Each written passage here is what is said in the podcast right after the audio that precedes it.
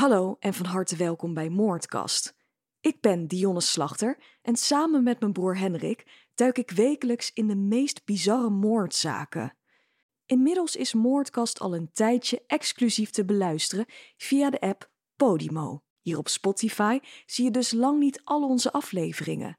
Wil je nou alles beluisteren? Zorg er dan voor dat je lid wordt van Podimo. De eerste 30 dagen zijn gratis te beluisteren. Ga daarvoor naar podimo.nl/slash moordkast om je via deze weg aan te melden. En wij hopen jullie daar weer terug te zien.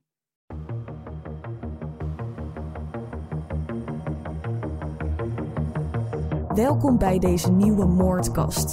De podcast waarbij ik je meeneem in verschillende mysterieuze moordzaken. Ik ben Dionne Slachter en samen met mijn broer Henrik als sidekick duiken we in de waargebeurde misdaad. Vandaag gaan we het hebben over de secte Heaven's Gate. Hun geloofsovertuiging en indoctrinatie leiden tot de grootste massa zelfmoord in Amerika. Van harte welkom bij alweer de vijftiende moordkast. Ik zit hier natuurlijk naast mijn broer en sidekick Henrik. Hey. Daar zijn we weer. Ja. En vandaag met een uh, heel ander soort zaak dan jullie van ons gewend zijn. Ja, toen jij ermee kwam, toen dacht ik... Uh, ja, eigenlijk wel tof om een keer, uh, keer te proberen. Kijken hoe het ontvangen wordt. Even een andere kant op. Ja, ja en ik vind het zeker wel kwalificeren als, als toch wel een soort van moord. Ja, het is een massa-zelfmoord. Dat hoorden jullie net al in, in het introotje.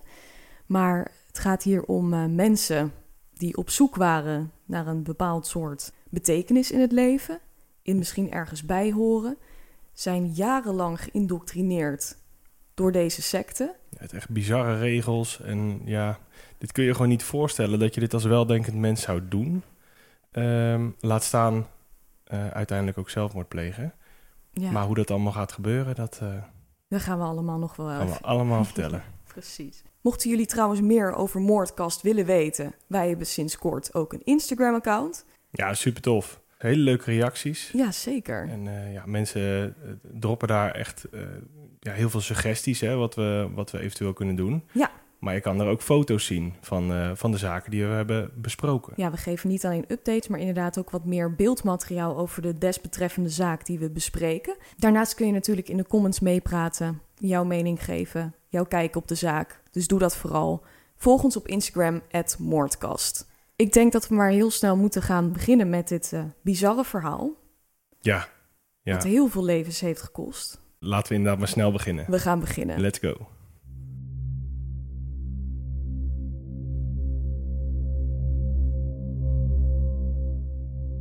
Bonnie Nettles wordt geboren in Houston in 1927. Als ze volwassen is, wordt ze verpleegster en trouwt ze met een technisch tekenaar. Als ze 26 jaar is, krijgt ze een dochtertje genaamd Terry Nettles. De band tussen moeder en dochter is ontzettend sterk. En uh, in de kinderjaren wordt er dan al veel gepraat over het bovennatuurlijke. Over reïncarnatie, UFO's, planeten. En moeder en dochter delen hun idealen en het beeld uh, wat ze hebben over deze wereld. Lijkt me op, kijk, op zich helemaal niks, uh, niks aan de hand, zou je nog denken. Hè? Nou. Want uh, moeder en dochter, zelfde interesses, klinkt heel gezellig. Gewoon hartstikke leuk eigenlijk. Ja, en beide voelen zich dus niet echt uh, op hun plek op deze aardbol. En dit is een onderwerp waar de twee het vaak over hebben. Ze hopen vurig dat een UFO ze van de aarde komt oppikken om van deze plek af te zijn. Bonnie verdiepte zich dan ook vaak in het bovennatuurlijke, waar haar dochtertje bij was. Ze beweerde namelijk paranormaal begaafd te zijn en contact te kunnen leggen met de geestenwereld en gaf dus ook uh, regelmatig readings aan mensen. Ja, dan was haar dochter ook gewoon bij, hè? Ja. Ja, ja dat was ook gewoon heel normaal, hè? Ook voor die dochter. Zoals, zoals het voor ons heel normaal is om, om over moordzaken te praten, denk ik. Zelf bezochten ze ook regelmatig helderzienden. En wanneer iemand de toekomst van Bonnie voorspelt, komt eruit dat ze spoedig een nieuwe man in haar leven zou krijgen. Een man met een naam die leek op Hurf. H-E-R-F-F. Hurf. Hurf. Ja. We kennen misschien Shard Medium nog wel. Ja. Ik zie een A. Ja, precies. Nou ja, ik, ik vind Hurf toch wel... Het is. Wel... Ja. Ja. Toeval of geen toeval, maar een man genaamd Marshall Herf Applewhite verschijnt ten tonele. Ik zal trouwens eerst eventjes wat meer over zijn achtergrond vertellen. Deze man wordt geboren in Texas in 1931. Hij was zoon van een predikant en heeft nogal wat uh, opleidingen gedaan. Hij behaalde een bachelor voor filosofie, studeerde hierna theologie en maakte ook nog een universitaire opleiding af in de richting muziek. Ja, een slimme kerel. Zou Ja, en heel muzikaal was hij. Ja, Had een groot talent voor, eh, voor muziek, kon goed zingen. daar is hij ook iets mee gaan doen, hè? Ja, hij verhuisd naar New York om aan een carrière als zanger te werken, nadat hij die opleiding had afgerond. Deze carrière was alleen niet zo succesvol, dus werd hij eh, daarom een muziekleraar. Hij is dan ook op een gegeven moment getrouwd, maar dit huwelijk loopt op de klippen. Marshall bleek namelijk een affaire te hebben met een van zijn mannelijke studenten. Hij verloor hierdoor niet alleen zijn huwelijk, maar ook zijn baan. Dit speelde zich allemaal af in de jaren 60. Je kunt je voorstellen. Iets met een student doen is natuurlijk uit den boze, ook in deze tijd. Dat kan natuurlijk absoluut niet door de beugel. Eh, maar toen nog van hetzelfde geslacht was... eh, Dat eh, werd ja, bij lange na niet zo geaccepteerd als, Als nu. als nu. Nee. Nou, we hebben nu dus Bonnie en Marshall. En hun paden kruisen in 1972 in het ziekenhuis waar Bonnie werkt. Iemand van de toneelschool waar Marshall volgens mij werkte, of in ieder geval aanwezig was, was gewond geraakt en moest naar het ziekenhuis worden gebracht. Nou, Marshall was met die persoon meegegaan eh, om hem natuurlijk bij te staan en te brengen. En voilà, Bonnie, die daar als verpleegster werkt, ontmoet dus haar Hurf. Ja, toen ik echt alles, alles van deze zaak eh, eh, wist, moest ik heel erg terugdenken aan dit moment. Had diegene op de toneelschool niet dat ongeluk gehad, waardoor hij naar het ziekenhuis moest, had die secte misschien nooit bestaan. Precies. Eigenlijk zo'n klein dingetje had ervoor kunnen zorgen dat er heel veel ellende voorkomen had kunnen Ja, worden. en zo'n klein dingetje heeft ervoor gezorgd dat er zoveel ellende kwam. Bonnie en Marshall deelden hun eh, passie voor science fiction. Ja, ze hadden echt wel een beetje diezelfde denkwijze. Star Trek, hè, die eh Marshall was heel helemaal fan van Star Trek en, ja, en dat soort ook. dingen. Ja, ja.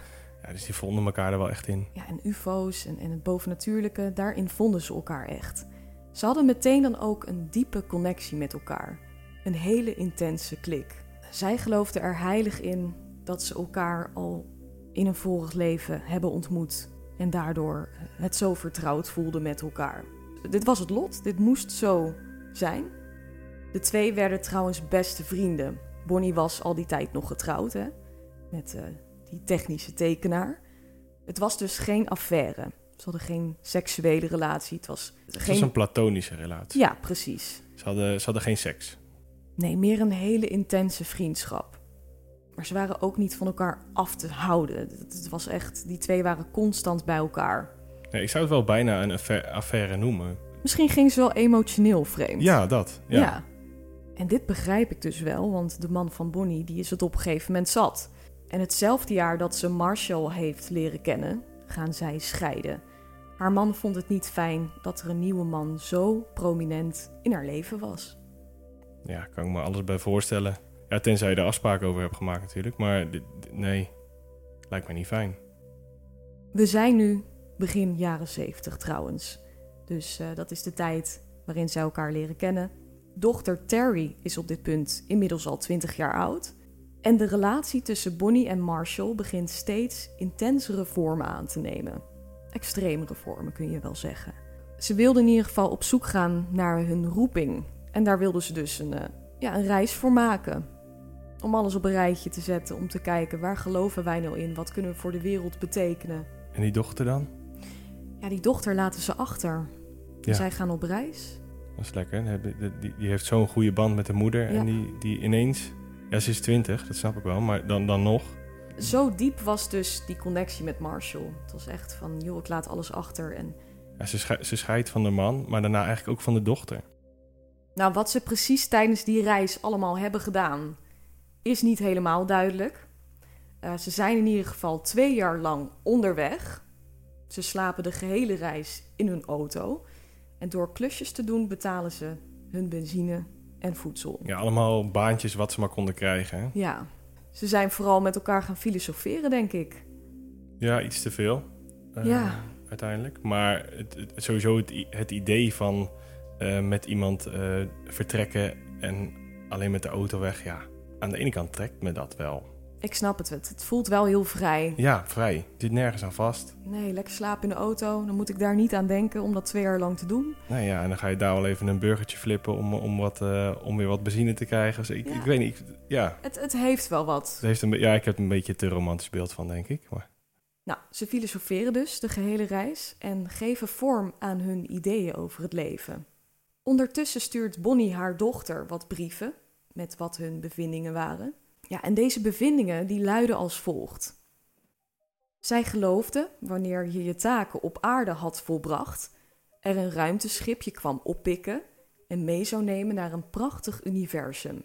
Zij geloofde daarbij dat ze de uitverkorenen waren om dit woord te verkondigen en wanneer ze dood zouden gaan, na drie dagen weer uit de dood zouden herreizen.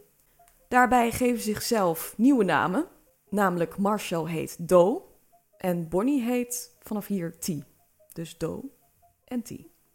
De namen zijn gekozen vanwege hun liefde voor muziek. We kennen denk ik allemaal de Sound of Music wel en misschien ook wel het liedje Do Re Mi. Bonnie in het bijzonder had erg veel bewondering voor deze show en hun namen zijn van dit muziekstuk afgeleid. Vanaf nu spreken we ook in deze moordkast eh, over Doe en T trouwens. Eh, dus niet meer over eh, Marshall Applewhite en Bonnie Nettles. dus Do is de man, T is de vrouw. Ja, dus zo gaan we eventjes verder. Dus na twee jaar op pad te zijn geweest, rond te hebben gereisd, hebben Doe en T hun roeping gevonden en zijn ze er klaar voor om hun ideeën met de wereld te delen. Ze zagen zich als uitverkorenen om, om die boodschap over te brengen. En er was een bepaald soort missie, hè? daar gaan we het straks nog over hebben. Ja, ja, uit, ja, De religie heeft trouwens meerdere namen gehad. Eén daarvan was de, en dat vind ik nogal frappant, Anonymous Sexaholics Celebrate Church. Hè? Ja, Ja, we komen straks nog op iets dat, dat, ze, dat ze volgelingen wat regels geven. En vandaar dat even mijn reactie. en de volgende naam was The Human Individual Metamorphosis. Pas veel later heette zij eh, The Heaven's Gate. Dus ja, ja. ja. echt veel later. Ja. Ze besluiten bijeenkomsten te gaan houden door het hele land. En ze hingen dan posters op door de stad waar ze op dat moment waren. Mysterieuze posters over UFO's en het bovennatuurlijke. Dit trok best nog wel wat eh, nieuwsgierige bezoekers aan. En er kwamen best nog wel wat mensen opdagen.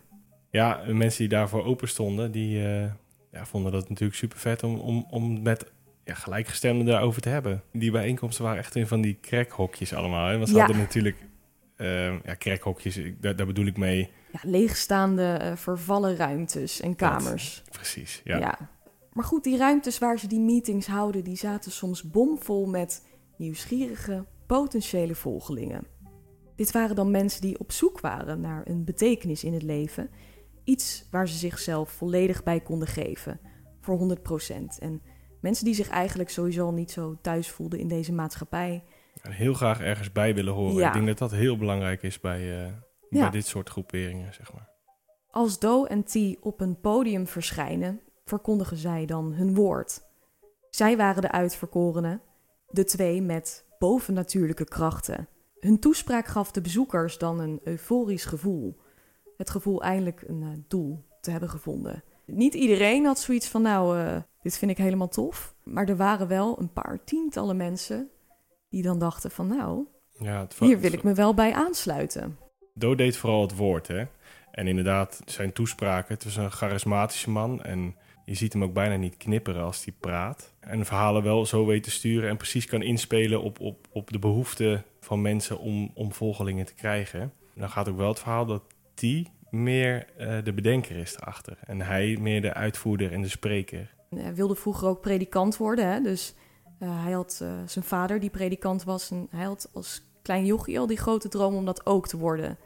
Dus ja, Hij heeft het voorbeeld en het talent, denk ik ook gewoon. dan. ja en, en dan de denkbeelden van T. Hebben ze dat gemixt tot eh de Heaven's Gate. Ja. En dan heb je eigenlijk Do, die, eh, die alsnog zijn droom waarmaakt op dit moment. Wat Do en T dan beloofden was die andere planeet, waar alles perfect was. Het ruimteschip zou ze naar dat paradijs brengen. De missie was dan ook om de next level te halen, het volgende niveau. Zo noemden ze dat. En dit wilden ze met zoveel mogelijk mensen delen. En ze brachten dit dan ook echt als een kans, een buitenkans. Jullie zijn uh, de gelukkige dat jullie hier zijn en, en dat jullie dit horen. Dit alles gaat nu gebeuren en anders pas over 2000 jaar weer. Ja, anders moet je 2000 jaar wachten. Ja, nou dat gaat niet lukken. Ja, het is wel echt een, echt een, een verkooppraatje. Hè? Van hé, hey, uh, dit is je kans, uh, anders ga je het gewoon nooit meemaken. En wij wel. Kijk, wij gaan. kijk maar even of je opstapt. Ja, dit was toch wel een van de dingen waardoor uh, de volgelingen zoiets hadden van... wow, ik, ik ga mij toewijden. Ze zouden ook hun, hun aardse lichaam verlaten... en dan ook het eeuwige leven hebben hè, daar. Mm -hmm. Ja, ja. Dat, ja, dat was het doel van Heaven's Ja, hun volgelingen waren inderdaad wezens... die ze naar een hoger level wilden tillen... en alleen Do en T konden dat doen. Veel bezoekers besluiten zich na zo'n bijeenkomst bij Do en T aan te sluiten. Wel een side note als je bij de groep wilde aansluiten, moest je alle banden met je familie en vriendenkring verbreken zonder aankondiging. Dus gewoon verdwijnen. Ja, nou goed, uh, dan ga ik het uh, nu voor het eerst zeggen, deze aflevering. Dat is toch een hele grote red flag, of niet? Nou. Je ziet het zo vaak bij sectes. Al je bezittingen inleveren. Um, je bestaat niet meer voor, voor de buitenwereld, maar alleen voor ons ze willen geen tegenspraak. Voor, joh, nee. Ze willen geen mensen die, die hun uit de cult halen. Iemand die zich totaal van alles heeft afgesloten is uh, het ideale slachtoffer om totaal te manipuleren natuurlijk. Ja, nou, en dan indoctrineren. En uh, zij vertellen op die bijeenkomsten natuurlijk over dat ruimteschip en dat ze over de next level. En ik zou zoveel vragen hebben. En de eerste zou zijn, hoe dan? Ik kan me niet zo goed voorstellen dat, dat dat je daarvan overtuigd raakt of zo. Het was sowieso ook wel de jaren zeventig. Ik denk dat veel mensen er ook in wilden geloven.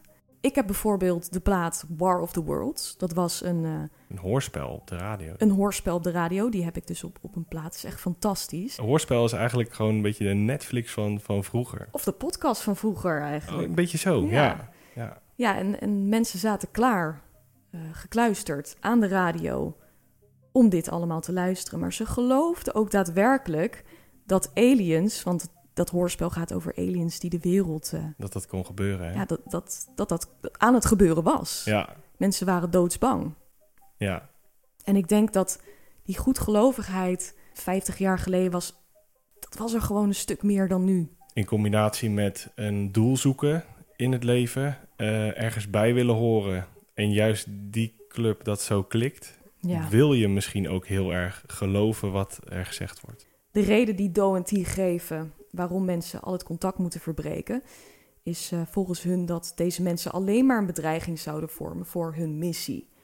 Ongelovigen zouden er alles aan doen om alles in de weg te staan.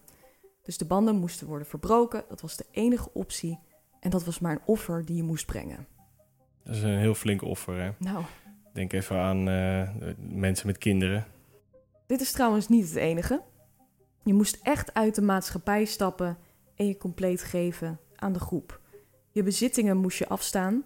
In sommige gevallen werden zelfs kinderen overgedragen en in de steek gelaten. Het leven wat je hiervoor had, die kon niet meer bestaan. Met als reden, we moeten onder de radar blijven. Maar ik denk dat we allemaal weten dat Do en T vooral hun invloed wilden uitoefenen. Dat kan alleen maar als zo'n groep in één richting kan kijken. Ja, oogkleppen op en uh, geen afleidingen. Een van de eerste bijeenkomsten hielden ze trouwens in uh, Oregon. Daar kwamen maar liefst 150 mensen naartoe. Ja, 20 hiervan pakten dus gewoon gelijk hun spullen en verdwenen ineens. Dit geval in Oregon bereikte het nieuws en al snel werd de religieuze beweging bestempeld als secte en werd de groep en de invloed hiervan al snel gewantrouwd. De groep besluit de commotie te ontvluchten en T en Do vertrekken met de leden naar een afgelegen geheime camping in Colorado. Op een gegeven moment had de beweging zo'n 70 volgelingen. T en Do vertellen dat eh, de groep binnen een paar maanden opgehaald zou worden met dat ruimteschip. Verstrengeld in deze denkbeelden zijn de leden opgetogen. Het gaat dus nu echt gebeuren en wat een voorrecht om hier deel van uit te maken. Deze mensen leefden in deze groep een vrij extreem bestaan. Er werd verwacht dat je afstand deed van alle soorten media, drugs, alcohol, sieraden, gezichtshaar en seksualiteit. En als je bijvoorbeeld alleen al seksuele gedachten had, dan ging je de fout in. Dan was je nog niet klaar voor het volgende niveau. Ja, en dit is dus wat haaks op die eerste naam staat. Ja. Uh, dat, daarom vond ik het zo vreemd. Ja, ze waren daar echt heel streng in, want relaties en huwelijken, die bestonden niet. Uh, dat hebben we ook gezien, hè, dat, dat, er, dat er een stel bij, bij Heaven's Gate zit. Ja, als je als stel bent gejoind, ja. dan moet je daar ja, je wegen scheiden. Want een relatie toch... of zo'n vorm, dat is te menselijk. Dat is hard, hè. En die twee gaan samen bij, bij een club waar ze allebei een doel hebben. Daar, daar geloven ze dan wel in. Maar die mogen elkaar niet meer zien, mogen geen seksuele verlangens meer hebben, mogen ja, eigenlijk niet meer verliefd zijn. Nee, en ze waren zo toegewijd. En, en ze wilden zo erg hun, hun, hun trouw bewijzen. dat Deze mensen dat deden dat gewoon. Dat ze dat hebben gedaan, ja. Dan moesten ze maar boven staan. dit was ook geen verzoek, hè? Het was een bevel. Ja, ja, ze mochten natuurlijk wel kiezen natuurlijk om weg te gaan, maar dat deed je eigenlijk niet. Nee. Dan miste je je kans. Alles in dit lijstje viel beneden hun waardigheid. En het was de bedoeling ja, juist dat menselijke te overstijgen. De leden moesten ook nieuwe namen aannemen. En die namen moesten allemaal eindigen op Odi. Rockedy, Jmodi, Levodi, allemaal van dat soort namen. Ja, lichamen werden echt als omhulsels gezien. En iedereen werd bestempeld als non-binair. Er was geen tweedeling tussen man en vrouw. En iedereen's haar werd dan ook afgeknipt. Iedereen moest er hetzelfde bij lopen. De leden volgen trainingen, volgen lessen op de camping en krijgen een lijst met 17 belangrijke stappen hoe je je zou moeten gedragen als lid. Richtlijnen die je moet volgen om in aanmerking te komen voor de next level. Een paar van die regels eventjes op een rijtje. Je mag alleen praten als je er echt een reden voor had. Geen aanrakingen, troosten mag niet. Uh, fysiek mocht je ook niet onhandig zijn. Zorgvuldig met alles omgaan. Je mocht ook vooral helemaal niks verspillen. Je at alles op wat er was gekookt en meer gebruiken dan nodig was. Dat was uit ten boze. Ik heb zelfs uh, gelezen dat met pannenkoeken bijvoorbeeld. Ja. Dat, dat, daar, dat ze daar gewoon. De mix moest tot dat streepje, moest zo lang gebakken worden. En iedereen die mocht maar zo dik zijn. En iedereen kreeg hetzelfde. Dat mocht niet groter zijn, want niemand is groter of belangrijker dan de ander. Ja, het klinkt niet echt als een leuke club. Dan hebben ze ook nog een heel bizar slaapprogramma. Dan mag je twee uur slapen. Moet je twee uur wakker zijn. En zo gaat dat door. Ondanks deze strenge regels bleven de volgelingen dus trouw aan Do. Zij zagen dit echt als een unieke kans die ze niet wilden missen. En ik zei al dat de groep wachtte op die beloofde UFO die ze zouden komen halen om ze naar die prachtige planeet te brengen. Ze hadden wel geduld. Nou, dit zou inderdaad twee maandjes duren, volgens Do. Maar deze maanden veranderen in jaren. De UFO, die kwam maar niet. Ja, Do hebben daar natuurlijk weer een hele goede verklaring voor. Volgens hun werden de trainingen die de leden volgden niet goed genoeg uitgevoerd. Ik zei het al, er gingen redelijk wat jaren overheen. En na vijf jaar alles te hebben opgeofferd, geven T Do aan dat er op die avond de UFO de groep eindelijk zou komen ophalen. Ze waren door het dolle heen met z'n allen. Hier hadden ze zo lang op gewacht. Heb je, moet je voorstellen, heb je vijf jaar volgens al die regels die we net hebben Echt hard gewerkt ook eigenlijk, hè? Heb je geleefd. Vijf jaar ook geen seks gehad. Zou dat heel... Vijf uh, jaar geen emoties getoond. Niemand troosten, niemand aanraken. De groep wacht de hele nacht buiten, kijkend naar de lucht. Met z'n allen op een bergje, starend naar boven. Wanneer zou het ruimteschip eindelijk komen? Ik vraag me ook af hoe lang ze enthousiast zijn geweest en wanneer dat een beetje weg De hele nacht volgens mij. Ik denk dat bij zonsopkomst het wel zoiets was van, oh nou. In het laatste uur denk nou, het moet nou toch wel komen. T en Do kwamen natuurlijk weer met een verklaring. Dit kwam door de negatieve krachten die het voorzien had op de groep. Dit moest dat wel zijn geweest. redelijke verklaring. Hè? Ja, en een hele grote teleurstelling voor de groep. En mensen waren echt best wel heel verdrietig hiervan. Maar toch besluiten de leden door te zetten en door te gaan met deze geloofsovertuiging. Intussen wonen de volgelingen uh, ja, niet meer op een camping, maar in huizen. En hebben daarbij baantjes om ja, de groep te kunnen onderhouden. Moet natuurlijk wel allemaal kunnen blijven bestaan. T en Do leven nu ook apart, maar de secte is nog wel in volle gang. Er worden nog steeds lessen gegeven en de groep is nog steeds enorm hecht. In 1985, als er weer een bijeenkomst wordt gehouden, zijn T en Do niet aanwezig. En dat was uh, nog nooit gebeurd. Dat was echt een dreun hè, voor, de, voor de mensen die... Uh... Ja, van wat is dit ja, nou? die vonden dat heel vreemd. Ja, en er was iets vreselijks gebeurd. T, Bonnie dus, is plotseling overleden. En dit kwam natuurlijk ontzettend hard aan. Dit was hun godin. En hoe moesten zij nu verder? Hoe is dit überhaupt mogelijk met ja, de denkbeelden die zij als groep hebben? Ja, het zorgt ook voor twijfel hè, bij, uh, bij sommigen. Van, joh, ja, want iedereen zou toch voor eeuwig samenleven op die planeet? Ja. En zij waren toch de uitverkorenen, dus... Ja, Do zal vast wel weer met een uh, goede verklaring komen. Hoe gaat hij dat inderdaad verklaren aan de groep? Nou, volgens hem zou zijn partner een pad naar het volgende level hebben gevonden. Ze was niet echt dood. Dit was dus juist iets goeds. Ze had enkel haar lichaam verlaten. Wat trouwens ook zo ontzettend verdrietig is aan dit verhaal, is dat Terry, die dochter van Bonnie, al uh, langer dan tien jaar haar moeder niet had gezien. Ze hebben af en toe natuurlijk wel eens wat contact gehad, door middel van telefoontjes, brieven. Uh, maar sinds dat Bonnie met Marshall vertrok voor die roadtrip om die roeping te gaan vinden. Nooit meer gezien. Nooit meer in levende lijven gesproken. En wat al helemaal schofterig is, is dat pas na een jaar dus Marshall Terry durfde te bellen om het nieuws te brengen. Daar heeft hij een jaar lang mee gewacht. Ja, ja en op, op wat voor manier ook? Nou, hij heeft er een bandje gestuurd. Een cassettebandje met een geluidsopname. Van hem. En dat hij, dat hij vertelt dat haar moeder is, uh, is overleden. Ja. Een jaar geleden. Hij stuurt dat per post naar haar toe. Het is zo laf. Ja, hij kon het niet of zo. Of hij, ja. Maar ja, Marshall en Bonnie waren natuurlijk al die tijd zo'n hecht duo geweest. En de dynamiek veranderde nu die overleden was. Marshall was er kapot van en leek compleet de weg kwijt te raken, zonder zijn rechterhand aan zijn zijde. Dood twijfelde of hij alles wel moest doorzetten. Maar goed, hij wilde kosten wat het kost herenigd worden met zijn partner. En besloot toch alles door te zetten. En vanaf hier gaat het dan ook bergafwaarts. Ja, hier gaat het echt mis. Ja, de ideeën worden steeds extremer. Ik denk dat hij er zelf in is gaan geloven dat uh, T dus uh, inderdaad zelf een weg gevonden heeft naar de next level. Ik denk dat dat, zijn, dat ook zijn enige houvast was. Een van zijn volgelingen doet een angstaanjagende ontdekking wanneer hij de kamer van Do aan het opruimen is. Daar op een tafeltje lag namelijk nogal een uh, heftig boek van de Hemlock Society. En de Hemlock Society is een organisatie die het uh, recht om te sterven ondersteunt.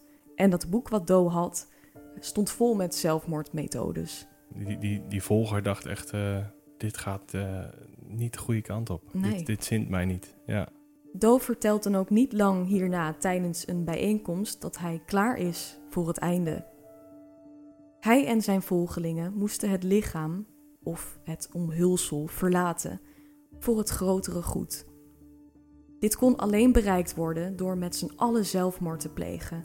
En dit is dan ook de enige manier om met z'n allen de next level te bereiken waar ze al zo lang naar verlangden. Hun zielen zouden later op kunnen worden gepikt door het ruimteschip. Ja, er zat tijd tussen, ja. Ja, je kon nog zoveel jaar dood zijn en dan kon je alsnog ja, mee. Je ziel kon alsnog ja. op die planeet terechtkomen. Van de tientallen volgelingen is er slechts één persoon die hier niet aan mee wil doen. En die verlaat dan ook meteen de groep. Maar hoe toegewijd ben je als zo'n extreem idee toch zoveel mensen aanspreekt? Mensen lijken er niet eens meer van te schrikken. Die mensen leven niet menselijk. Het is bijna een hond die door zijn baas is getraind. En als die baas aankomt en die zegt zit, ja, dan ga je zitten. Nou, wat het ook is, denk ik, Die mensen wachten al zo lang op dat ruimteschip. Stel je voor dat je afwijkt. Ja, dit van is het alles plan, voor niks geweest. Dan is ja. alles voor niks geweest. ja, Dit is echt jouw enige wereld, het enige waar je dag in dag uit mee besmet wordt. En dat voor jarenlang. Ja, dit is wat je leeft, wat je ademt, wat Ja. je... Ja. Ondertussen probeert de groep alsnog meer volgers te werven. In 1996 doen ze dat vooral met het behulp van het internet. We zijn dus al echt wel weer een flink stap vooruit in de tijd. Dus ehm, de groep bestaat nu al zo'n ongeveer 23 jaar. Vanaf hier begint de beweging zich de Heaven's Gate te noemen. ja, dan pas. Ja. Dan pas. Bij het lanceren van de website eigenlijk. Ja, compleet nieuw plan gemaakt. Het was ook de eerste beweging, secte, die zijn leden zocht door middel van het internet. Heaven's Gate verhuist ook met de groep naar San Diego in een prachtige villa in Santa Fe. Echt een super mooie locatie. Ja, prachtig. Ja, Ja. je zegt al villa. Het, is, het ziet er heel mooi uit. Ja, Do krijgt echter steeds duisterdere ideeën bij zijn overtuigingen. En hij roept de groep bij elkaar voor een bijeenkomst. En daarbij geeft hij aan dat. Ja, hij heeft een natte droom gehad. Ja, En dat, ja, dat kon niet. nee, Ik kan me ook wel voorstellen dat het op een gegeven moment uit moet na zoveel jaar. Ja, die natte droom, dat was natuurlijk eh, niet volgens de regels. Maar iets wat Do blijkbaar in zijn onderbewustzijn niet kon verdringen. Nee, hij vond het vreselijk. Hij heeft zelf die regels opgesteld. En eh, ja, hij had daar, Hij eh, als... eh, had daar grote moeite mee. Hij had ook moeite met, met af en toe gedachten daarover. Maar ja, hij heeft die natte droom gehad. En dat was toch wel echt een brug te ver. Ik denk ook wel dat Do zelf ook diep geloofde in, in zijn geloofsovertuiging. Jawel. Ik denk wel dat hij echt... Als je hem ook ziet, die man is compleet gestoord. Het is een man met een beetje hartvormig gezicht, flaporen, kaal hoofd. Het lijkt oprecht een soort karakter uit Star Trek. Ja, maar als je zijn ogen ziet en, en als hij praat en eh, hij... Compleet de weg eng. kwijt, ja. Een beetje eng. Ja, engig. Deze man is daadwerkelijk al op een andere planeet. Ja, hij vraagt of andere mannen in de groep daar dus ook last van hebben. En hij stelt voor om de mannen te laten castreren. Inclusief zichzelf, ja. Inclusief zichzelf, jazeker. Hij- Dat was wel zijn wens. Nou, ik zou op dit, dit, dit punt hard wegrennen. Ja, gillend. Er is, er is er maar eentje die zegt, nou, dat zie ik niet zo zitten. Nee, de rest vond het een prima plan. En dan sterker nog, er is een verpleegster in hun midden, hè, een vrouw. Mhm. En die zegt, nou ja, eh, wil ik wel doen. Hebben geen chirurg voor nodig. Iedereen stemt daarmee in. Ja, het is ook nog een, een oud verpleegster, hè? Het was Zij is een- vroeger ja, een verpleegster. Dat, dat klopt ook nog, ja. ja. Maar een verpleegster is natuurlijk geen chirurg. Nee, eh, Nee. maar iedereen stemt daar wel mee in. Denk je, nou, dat, dat, dat is goed. Er zijn dus gewoon twee mannen die gaan bijna vechten. Om als eerste te zijn. om hun loyaliteit aan dood te bewijzen. Ik mag hier echt niet om lachen, maar ik vind het zo... Nee, nee ja, natuurlijk is het raar. Ik snap dat je lacht. Dit zegt natuurlijk wel een hele hoop hè, over hoe diep deze mensen zaten. En vervolgens eh, flippen ze een muntje, hè? Ja. Eh, het wordt natuurlijk een van de twee. En die gaat liggen op de bank en het ziet er allemaal best wel professioneel uit. Het, het, het is op dit moment aan het gebeuren. Ja, het lijkt allemaal klaar. Het gebeurt trouwens onder plaatselijke verdoving. Ja, ja, hij is wel bij. Ja, maar hij is plaatselijk verdoofd. Het is, het is allemaal klaar. Het wordt, het wordt, het wordt gehecht. En eh, die, die man die krijgt helse pijn. Ja, hij moet naar het ziekenhuis. Ja, het En is dat- echt een noodgeval, hè? Ja, ja nou, leuke woordspeling. Wat zouden ze in dat ziekenhuis gedacht moeten hebben? Ja, het was zo, zo eh, chockerend. Dat heel veel eh, mannen hebben gezegd, ik zie hier echt vanaf. De castratie thuis, die onprofessionele castratie, daar stoppen ze in ieder geval mee. Ja, Maar er zijn toch nog zeven mannen, inclusief dood. inclusief Do, eh, die het op een professionele manier door een chirurg laten doen. Ja. Dan is er nog een eh, bijzondere gebeurtenis in 1996. Eh, er is een enorme komeet genaamd de Hale-Bopp, die schiet langs de aarde. Het is een van de helderste kometen geweest van de afgelopen paar decennia. En zo'n beetje de meest besproken komeet van de 20e eeuw. Dus het was wel een hele happening. Super bijzonder. Natuurlijk al helemaal voor de Heaven's Gate. Achter de komeet was een object zichtbaar, maar wetenschappers konden niet identificeren wat dit precies kon zijn. Volgens Do was dit dan het ruimteschip waar ze al zo lang op wachten. Hun enkele reis naar een nieuwe leven, naar de perfecte planeet. Ze konden eindelijk hun oversteek maken naar dat volgende niveau. En door deze gebeurtenis met de komeet maakt de Heaven's Gate eh, het plan om te gaan vertrekken. Ze pakken hun spullen, ze trekken dezelfde zwarte Heaven's Gate uniformen aan en dragen allemaal zwart-witte Nike schoenen. Zien er allemaal precies hetzelfde uit. Ja, en ze hebben ook patches uh, erop genaaid, hè? En er staat uh, op die patches, die, dat is eigenlijk zo'n ding die op je borst naait, weet je, zo'n logo. En er staat op Heaven's Gate Away Team. Ja, Heaven's Gate Away Team. Op 19 maart maakt Marshall nog een laatste videoband genaamd Doos Final Exit. Uh, met uitleg over wat hun plan precies is, hun denkbeelden. Ik vond er ook wel heel erg in voorkomen dat hij, uh, want hij heeft uh, een aantal volgelingen ook gefilmd, hè. Dat het ook wel heel erg duidelijk was dat die mensen het uit vrije wil deden. Dat hij dat, Ja, het was echt een afscheidstape ook. Er zaten ja. wat berichtjes op van de leden. Ja, afscheidsberichten. Die allemaal ook zeiden, doe het uit vrije wil, ik ben zo blij dit te doen. Tussen 22 en 26 maart van 1997 zet de groep en Doe het plan door waar ze zo lang naartoe hebben geleefd. De massa-zelfmoord wordt doorgezet.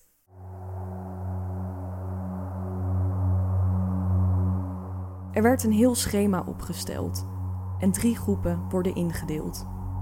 Elke groep zou het plan uitvoeren met elkaar, waarna de volgende groep zou volgen. De eerste groep begint. Het zijn 15 van de leden. Ze mixen een overdosis kalmeringsmiddel, wodka, met pudding en appelmoes.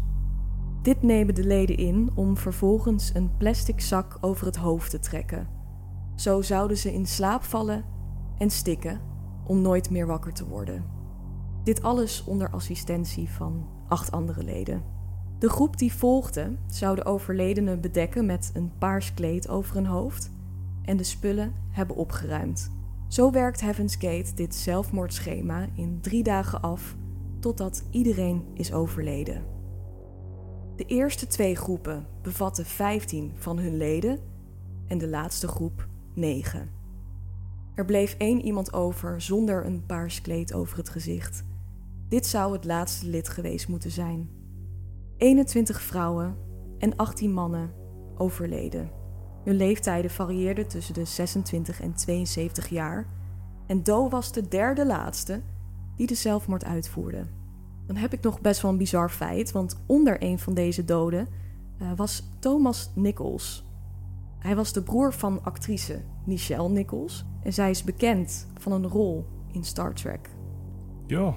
Ja. Oh, dat wist ik niet. De broer van een uh, Star Trek actrice. Ja.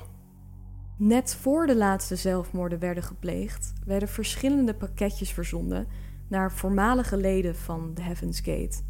Dit pakket bevatte dus die twee videotapes, uh, met dus die doos Final Exit boodschap van Do en de afscheidsvideo's van de leden. Dan zat er nog een brief bij met een tekst. We have exited our vehicles just as we entered them. Ja. Een van die ontvangers was Rio D'Angelo. Hij besluit op 26 maart 1997 naar het huis toe te rijden om polshoogte te nemen. Hij gaat het huis binnen en ontdekt daar de lichamen van de 39 leden van de Heaven's Gate. Hij schakelt de hulpdiensten in, maar hij had ook een videocamera meegenomen en legt alles vast. Ja, die, die beelden zijn uh, heftig, hè? Je ziet allemaal uh, mensen liggen op, op matrassen. Overal waar je kijkt liggen wel mensen. Uh, allemaal met dezelfde paarse doek over hun hoofd heen. En je weet natuurlijk dat ze allemaal zijn overleden. Ja, door die hele chique villa heen. Overal lage lichamen. Dat zelfmoordschema heeft dus drie dagen lang geduurd. Dus in drie dagen tijd. Ik denk elk groepje één dag. Ze werden één of twee dagen later pas gevonden. Sommigen waren dus al vijf dagen overleden. En het was hartstikke warm. Ja, het was lente in San Diego. Ja, ja dat heeft heel erg naar ontbinding geroken. En dat was echt... Uh... Ja, de politie die komt ook aan in de villa. Overal in het huis vinden ze dus die lichamen. Ze waren verspreid over stapelbedden, vensterbanken, houten planken. Overal waren lichamen te vinden. Het lichaam van Marshall Applewhite wordt als enige gevonden in de grote slaapkamer. En op een tafel vonden ze de instructies en het schema om de massa-zelfmoord uit te voeren. Ja, de Heaven's Gate en de grootste massa-zelfmoord van Amerika. Ik denk dat we toch wel kunnen bestempelen als zijnde een moord. Deze mensen werden eh, totaal beïnvloed door hun leider. Ja, ze zijn gewoon gigantisch beïnvloed. Uh, waren ook beïnvloedbaar. Waren, waren kwetsbare mensen die op zoek waren naar aansluiting. Ja, combineer dat met, uh, met zo'n man als, uh, als, als Doe, die, die zo invloedrijk was. die, die zo zijn boodschap kon overbrengen. En ja, die mensen wilden dat ook heel graag geloven. Ja, ik vind zeker dat het, dat het hier thuis hoort. Ja, ik vind het een bizar stuk geschiedenis. En ik hoop dat zich dit nooit meer herhaalt. Wat dacht je ook van de nabestaanden die hun geliefde verloren in deze secte? Ja. En zo aan een einde zijn gekomen. En nou, die ouders die moeten toch ook helemaal... Ja, veel voelden het ook al aankomen, hè? Die dachten van, ja, we horen helemaal niks, uh, niks van hem of haar. En ja, af en toe, af en toe werden ze eens gebeld. Dat mocht dan, uh, dat mocht dan blijkbaar soms. En vooral lijkt me heel hard dat je die afscheidsvideo ziet. Uh, van je zoon, dochter, van je moeder, noem maar ja. op ja, je weet op dat moment dat, dat die geliefde is overleden. Maar dat diegene dat nog met een hele, heel blij gezicht op camera nog zit te vertellen. En dat ze er super veel zin in heeft. En dat ze er heel erg naar uitkijkt. En dat lijkt, dat lijkt me super pijnlijk om te ja. zien. Je ziet het ook hè, in die tapes. Die, die mensen op die, die videobanden, die afscheidstapes, die, die kijken ook zo verwilderd uit hun ogen. Gewoon compleet afgezonderd. Er, er is eigenlijk niemand meer thuis. Ja, is het een beetje, een beetje robot? Ja. Uh, uh, ja, dat achter. Ja, dat zie je vaak met sectes. En de dochter hè, van T, uh, de vrouw in het verhaal die is overleden, die um, heeft gezegd: Als mijn moeder niet was overleden, had ze dit nooit toegestaan. Nee. Want moord of zelfmoord of, of groepszelfmoord was nooit haar bedoeling geweest. Ik zou zeggen, kijk eventjes op onze moordkasten Instagram pagina, want we hebben wat beelden uh, wat we met jullie kunnen delen. Ja, laat ons ook even weten of je een, een, een cult of een secte, wat we nu hebben besproken, of we dat vaker moeten doen misschien. Ja, ik, er zijn zoveel sectes die ik zou willen bespreken. Het intrigeert me heel erg. En, het lijkt uh, ons in ieder geval heel erg interessant om, uh, om dat vaker te om doen. Dat vaker te doen. Laat ons vooral eventjes weten wat jullie ervan vinden. Er staat ook een misdaad- en make-up video online van mij op YouTube op Onnedie als je daarop zoekt. Bekijk deze ook vooral. Daar kan ik jullie veel meer materiaal bij geven. Ontzettend bedankt voor het luisteren naar uh, deze nieuwe aflevering. Wij zien jullie volgende week vrijdag om 4 uur s middags weer. Tot volgende week. Tot volgende week.